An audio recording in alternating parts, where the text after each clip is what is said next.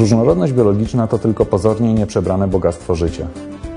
Jak wynika z badań, ginie ono w alarmującym tempie. Światowa Organizacja do Spraw Rolnictwa i Wyżywienia FAO posiada informacje o 7616 rasach zwierząt na świecie. Jednak aż 6536 określone jako rasy lokalne występujące tylko w jednym kraju. 1491 ras, czyli około 20% uznano za rasy zagrożone wyginięciem. Ich ilość może być znacznie większa ze względu na to, że o 36% ras brak jest bieżących informacji. Rasy lokalne lub rodzime stanowią element naszej kultury i tradycji nie mniej ważny od dzieł sztuki, lecz trudniejszy do zachowania. Są inwestycją w przyszłość następnych pokoleń. Nieznane dzisiaj i trudne do przewidzenia są potrzeby, jakimi sprostać w przyszłości będzie musiała hodowla i produkcja zwierzęca. Rasy lokalne przejawiają przydatność do chowu ekstensywnego, to znaczy do hodowli i utrzymania w stosunkowo naturalnych warunkach. Posiadają szerokie możliwości użytkowania, takie jak siła robocza, mleko, mięso, wełna czy skóry. Dostarczają produktów do wyrobu odzieży, galanterii skórzanej, ozdób i rękodzieła. Przyczyniają się do utrzymania w kulturze użytków rolnych, zachowania i pielęgnacji krajobrazu, a w krajach o suchym klimacie także do ochrony przed pożarami, np. poprzez wypas kontrolowany. Historia ludzkości jest świadectwem stopniowego zacieśniania zależności pomiędzy ludźmi i naturą, a zwłaszcza zwierzętami. Rasy rodzime posiadają ogromną wartość jako żywe istoty, przez co są wartością samą w sobie wymagającą szacunku i przetrwania. Proces erozji i postępujące zagrożenie zachowania ras lokalnych zwierząt gospodarskich zaczęły budzić coraz większe wątpliwości moralne i etyczne i coraz częstszy sprzeciw społeczny. Już w tej chwili w samej Europie jeden na sześć gatunków ssaków jest poważnie zagrożony wyginięciem. W odpowiedzi na ten problem 5 czerwca 1992 roku podczas tzw. Tak szczytu Ziemi w Rio de Janeiro podpisano Konwencję o różnorodności biologicznej. Jest to największe przyrodnicze porozumienie międzynarodowe stanowiące parasol, pod którym mieszczą się wszystkie inne bardziej wyspecjalizowane konwencje i porozumienia. Stronami konwencji są 192 państwa i wspólnota europejska. Polska jest jednym z prekursorów ochrony gatunkowej zwierząt. Już w latach 20. XX wieku zapoczątkowała program restytucji żubrów. Nieco później profesor Wetulani rozpoczął program hodowli zachowawczej konika polskiego oparty na unikalnym systemie hodowli w rezerwacie leśnym. W 1996 roku minister rolnictwa i gospodarki powierzył Centralnej Stacji Hodowli Zwierząt zadania związane z koordynacją działań na rzecz ochrony zasobów genetycznych zwierząt gospodarskich w Polsce. W roku 2004 zadania związane z realizacją i koordynacją programów ochrony zostały przekazane Instytutowi Zootechniki, a od 2008 roku Instytutowi Zootechniki Państwowemu Instytutowi Badawczemu. Obecnie programy ochrony zasobów genetycznych zwierząt gospodarskich obejmują ponad 90 populacji, w tym dwie populacje koni zimnokrwistych. Konie w typie sokulskim i konie w typie sztumskim. Aby hodowca mógł uczestniczyć w programie ochrony zasobów genetycznych koni w typie sokulskim lub sztumskim, musi posiadać przynajmniej dwie klacze wpisane do księgi głównej koni rasy polski koń zimnokrwisty, spełniające kryteria rodowodowe, pokrojowe i użytkowe. Powinien też przestrzegać zapisów programu ochrony, to znaczy kryć klacze zakwalifikowanymi dla danego typu ogierami, otrzymywać raz na dwa lata potomstwo spełniające kryteria programu, składać odpowiednie dokumenty w terminach przewidzianych procedurą Instytutu Zootechniki Państwowego Instytutu Badawczego. Zupełnie innym programem jest program związany z przyznawaniem płatności na działania ochrony zasobów genetycznych. Od 2008 roku możliwe jest uzyskanie pomocy finansowej w ramach programu rolno-środowiskowego Program Rozwoju Obszarów Wiejskich 2007-2013. Dofinansowanie hodowców uczestniczących w realizacji programów ochrony w przypadku populacji koni, pakiet siódmy, wariant drugi, wynosi 1500 zł rocznie. Płatności przyznawane są wyłącznie na utrzymanie klaczy. Warunkiem uczestnictwa w programie rolno-środowiskowym, czyli płatnościowym, jest realizacja założeń programu ochrony zasobów genetycznych zwierząt gospodarskich danej rasy oraz prowadzenie odpowiedniej dokumentacji i składanie jej w odpowiednim czasie w oddziale Agencji Rozwoju i Modernizacji Rolnictwa.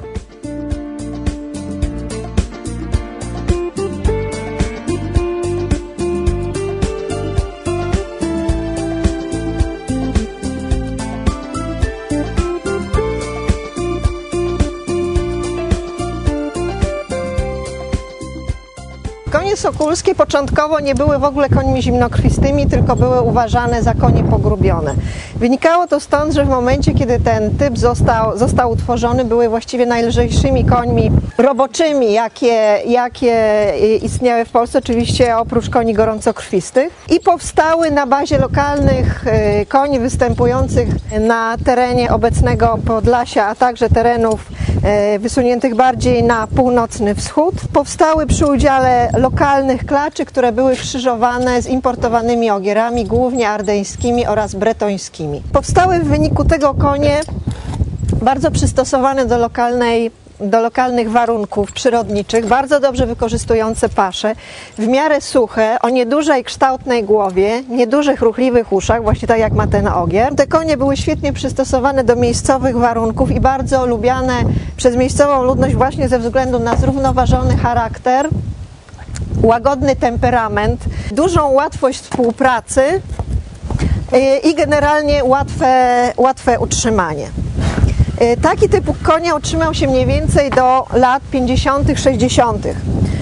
W latach 60., kiedy powstała Polska Księga Konia Zimnokrwistego, postanowiono przekształcić nieco, nieco kiedy do jednej księgi Polskiego Konia Zimnokrwistego wpisano wszystkie typy. I w tym momencie nastąpił już zanik y, typu sokulskiego ze względu na to, że wszystkie istniejące typy w Polsce były krzyżowane właśnie w celu skonsolidowania y, rasy polski koń zimnokrwisty po roku 2000 zauważono wagę, jaką miały występujące lokalne populacje e, w Polsce, a także zauważono to na świecie. I od roku 2008 został wprowadzony program ochrony zasobów genetycznych, który sprecyzował e, standard e, dla typu sokulskiego.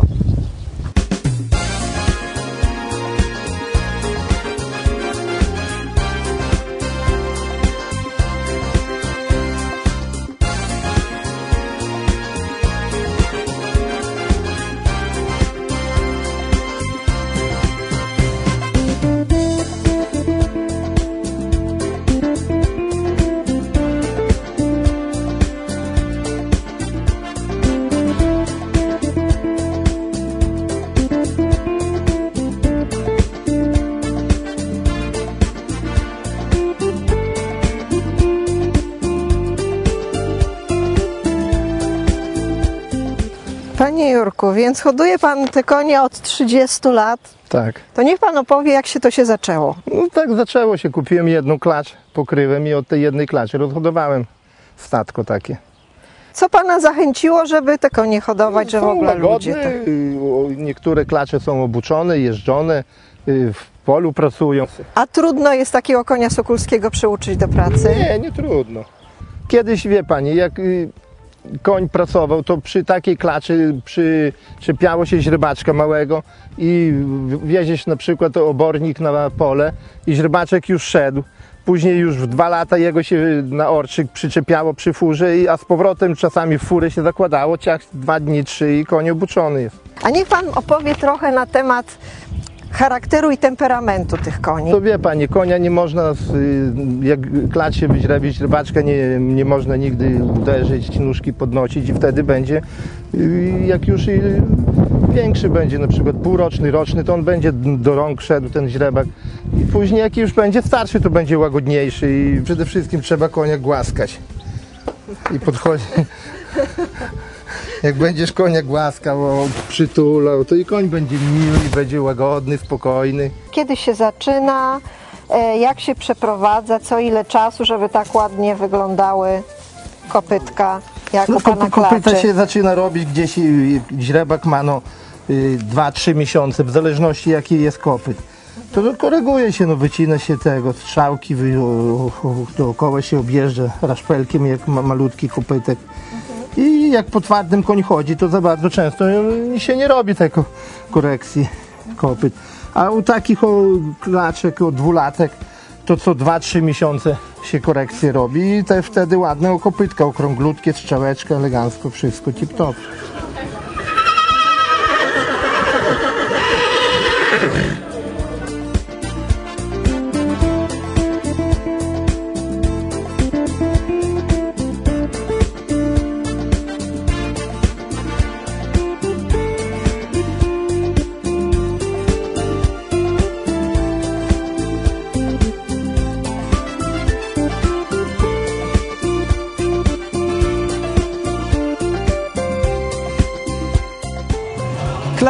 którą tutaj widać, nazywa się Mona.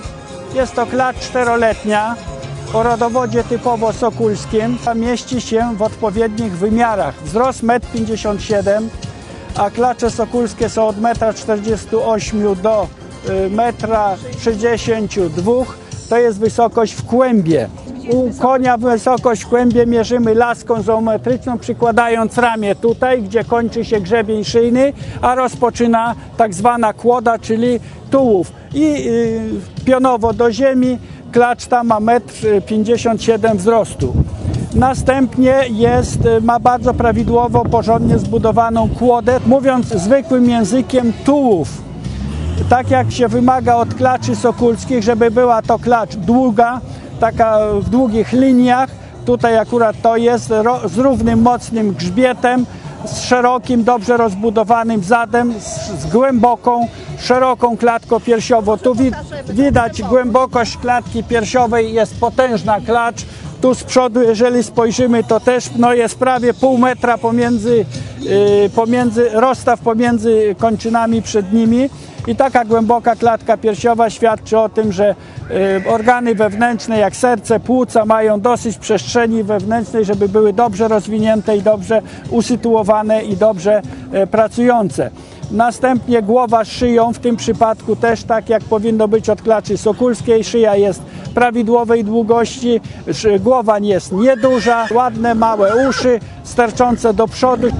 Następnie kończyny przednie i tylne, co jest tutaj bardzo ważne. Według programu ochrony zasobów genetycznych koni w typu sokulskim klacze powinny mieć obwód nadpęcia od 23 cm do 26. To je odróżnia od innych koni zimnokrwistych. Jeśli chodzi o nogi, o kończyny, zarówno przednie, jak i tylne, są, ta, są to kończyny suche. Co to znaczy? To znaczy, że widzimy kość, ścięgna i skóra. Może powiedzmy jeszcze, co to znaczy prawidłowa postawa. Ta klacz stoi poparta na czterech kończynach, jak, no powiedzmy przysłowiowo, jak na słupkach. Klacz stoi swobodnie, oparta o cztery nogi. Koń, który ma nieprawidłową postawę, jest bardzo trudno w ten sposób ustawić, bo staw skokowy na tylnych nogach to jest tutaj ta część, ona musi być odpowiednio skontowana. Jeżeli jest rozwarta, jest źle. Jeżeli za bardzo jest podgięta pod przód, też jest źle. Ta klacz stoi prawidłowo. Linia poprowadzona przez łopatkę powinna iść przez środek nogi, przez środek, przez środek stawu nadgarstkowego i y, opierać się o ziemię na końcu, na końcu kopyta. Jeżeli nogi są nieprawidłowo zbudowane, ciężar konia się przenosi nieprawidłowo na kopyta i kopyta w czasie ruchu są nieprawidłowo ścierane. Czym koń sokulski różni się od polskiego konia zimnokrwistego? Więc y, koń sokulski różni się przede wszystkim gabarytami. Chodnik jest wyższy przede wszystkim, cięższy. A jeśli chodzi o użytkowość? Konie sokulskie z historycznego przystosowania się do ciężkich warunków bytowania na Podlasiu, jakie były kiedyś, kiedy był brak paszy, kiedy te konie bardzo dużo pracowały y, w gospodarstwie, w transporcie, więc one nabyły takiej odporności na, na, na choroby, odbyły, y, nabyły odporności na słabe warunki y, bytowania, na, y, na mniej, mniej potrzebują paszy. To jak gdyby się y, przez, y, nie wiem, 100 czy 200 lat kształtowania się tego konia, te konie się przystosowały do tych y, warunków. Tu nam już Państwo wjeżdżają na koniach gorącokwistych dla odmiany, ale może jeszcze jedno e, krótkie pytanie. Czy uważa Pan, że programy ochrony dadzą radę odtworzyć i zachować tą rasę? Uważam, że dadzą radę, a szczególnie w koniach sokulskich e, trzeba to robić i, i, i dobrze, że one są, bo moda jest taka w tej chwili, że wszyscy idą w kierunku tego wielkiego konia zimnokrwistego, e, przekrzyżowanego z rasami zachodnimi i te powiedzmy konie e, ukształtowane na naszym terenie przez, e, jak powiedziałem, przez ponad 100 lat, po prostu by, jakby konkurencji nie wytrzymały. To jest moda w tej chwili na inne konie. Dziękuję bardzo. Dziękuję.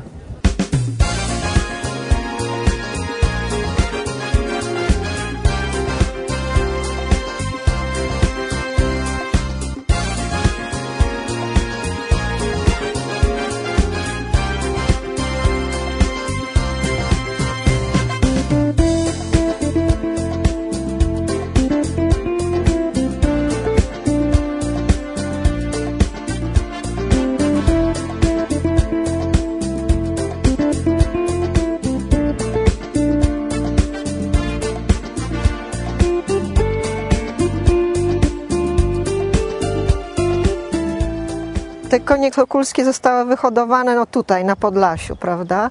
Czy one lepiej są przystosowane niż inne rasy koni? Na pewno. Ziemie nie są bogate w minerały i w różne pierwiastki. Ziemie są raczej bardzo słabe, piątej i szóstej klasy. No ale jednak to siano jedzą z, siano, owiec i całą- całą paszę po prostu jest z, z tych terenów, z tego gospodarstwa. No na pewno wykorzystują tą paszę lepiej niż konie zimnokrwiste.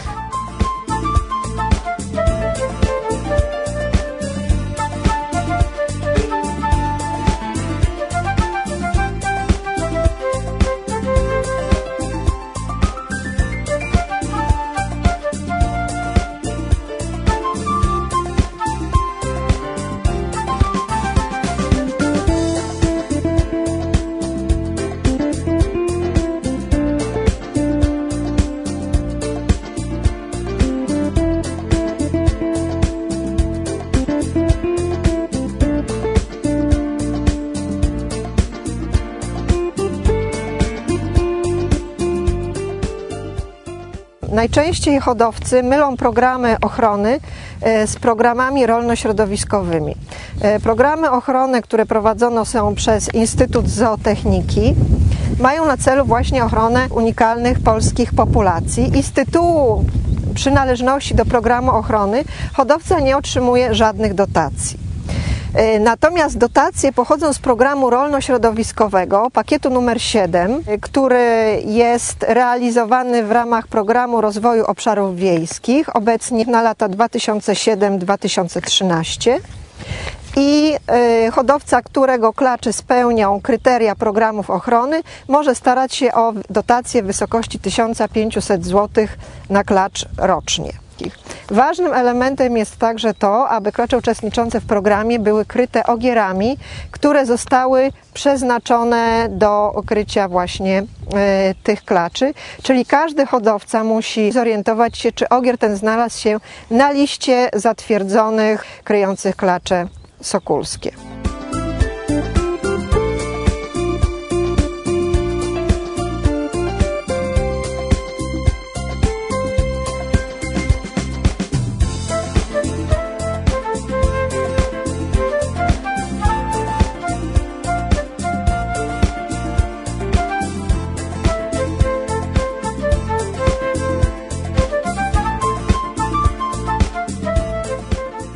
Programy ochrony dla koni zimnokrwistych, sokulskich i sztumskich e, rozpoczęły swoje działanie w roku 2008. Klaczy sokulskich było zawsze nieco więcej przyjmowanych do programu ochrony. Widocznie ta populacja jest większa i zawsze większość y, tych zwierząt pochodziła właśnie z województwa y, podlaskiego.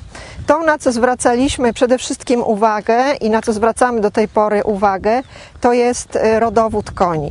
Chodzi nam o to, żeby zachować ten unikalny genot. Do programu ochrony przyjmujemy klacze i ogiery, które mają minimum 75% krwi sokulskiej. Zwracamy uwagę zwłaszcza, żeby strona matczyna, czyli ta część żeńska rodowodu, y, była typowo sokulska, żeby były to konie, które pochodzą właśnie stąd, y, czyli z Podlasia.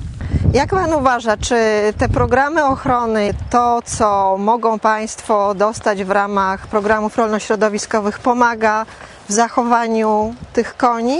Pomaga na pewno, bo tych 1500 zł do klaczy to jednak jest parę groszy. A jak się ma tam 10 klaczy w programie, no to zawsze tych y, y, 15 tysięcy jest. No tak czy nie, to i wystarczy, czy na paliwo, czy czasami jakieś zboże trzeba dokupić, czy coś innego, czy jakieś leczenie, nie leczenie konia, no to zawsze parę złotych jest. A jaką Pan widzi dla nich przyszłość jako konie użytkowe? Dużo osób jeszcze ma po jednej klaczy, czy tam dwie klacze i obrabiają ziemię, wszystko zwożą i tak dalej. Orać to może już nie orzą, tam najwyżej ogródek czy coś tam ziemniaki posadzić.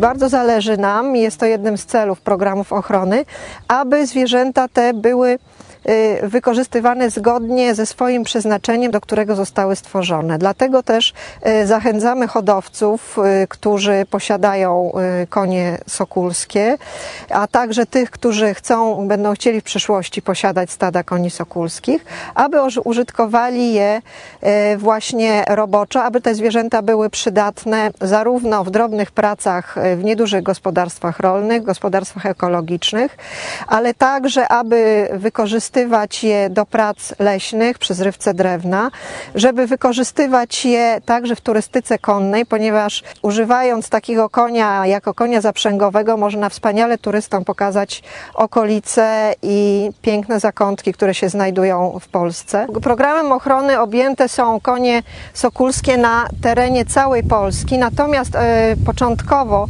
populacja to została stwo- stworzona w północno-wschodniej części Polski, także na terenach, które obecnie już do Polski nie należą. Można powiedzieć, że około 70% y, klaczy y, objętych programem ochrony występuje właśnie na, na terenie województwa podlaskiego. Mamy także dużą bardzo grupę, która występuje na terenie województwa lubelskiego. W pozostałych województwach występuje ich y, znacznie mniej. Dążeniem y, programu ochrony jest utrzymanie tej populacji przede wszystkim w oryginalnych warunkach, ponieważ środowiska wpływa na, na samą rasę, na ukształtowanie samej lokalnej populacji. Wiadomo jest, że jeżeli cenne mm, obiekty, na przykład sztuki w muzeach, to tak samo zwierzęta, czyli rasy lokalne, które zostały przez nas wyhodowane, stanowią wartość samą w sobie. Ale z drugiej strony oczywiście nie możemy zwierząt wstawić do muzeum. Dlatego konieczne jest zachowanie ich w stanie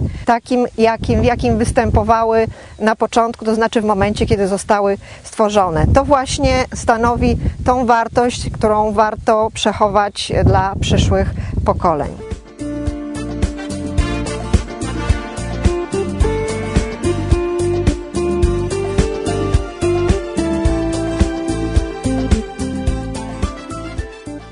Mogą być także wykorzystywane jako konie hipoterapii ze względu na swój spokojny charakter, swój zrównoważony temperament. Mogą być także uż- użytkowane jako konie wierzchowe, zwłaszcza dla osób, które spędzają wakacje na wsi i które chciałyby użytkować w ten sposób konia, może nawet dla tych ludzi, którzy nie są doświadczonymi jeźdźcami, takie konie świetnie mogą być w tym celu wykorzystane.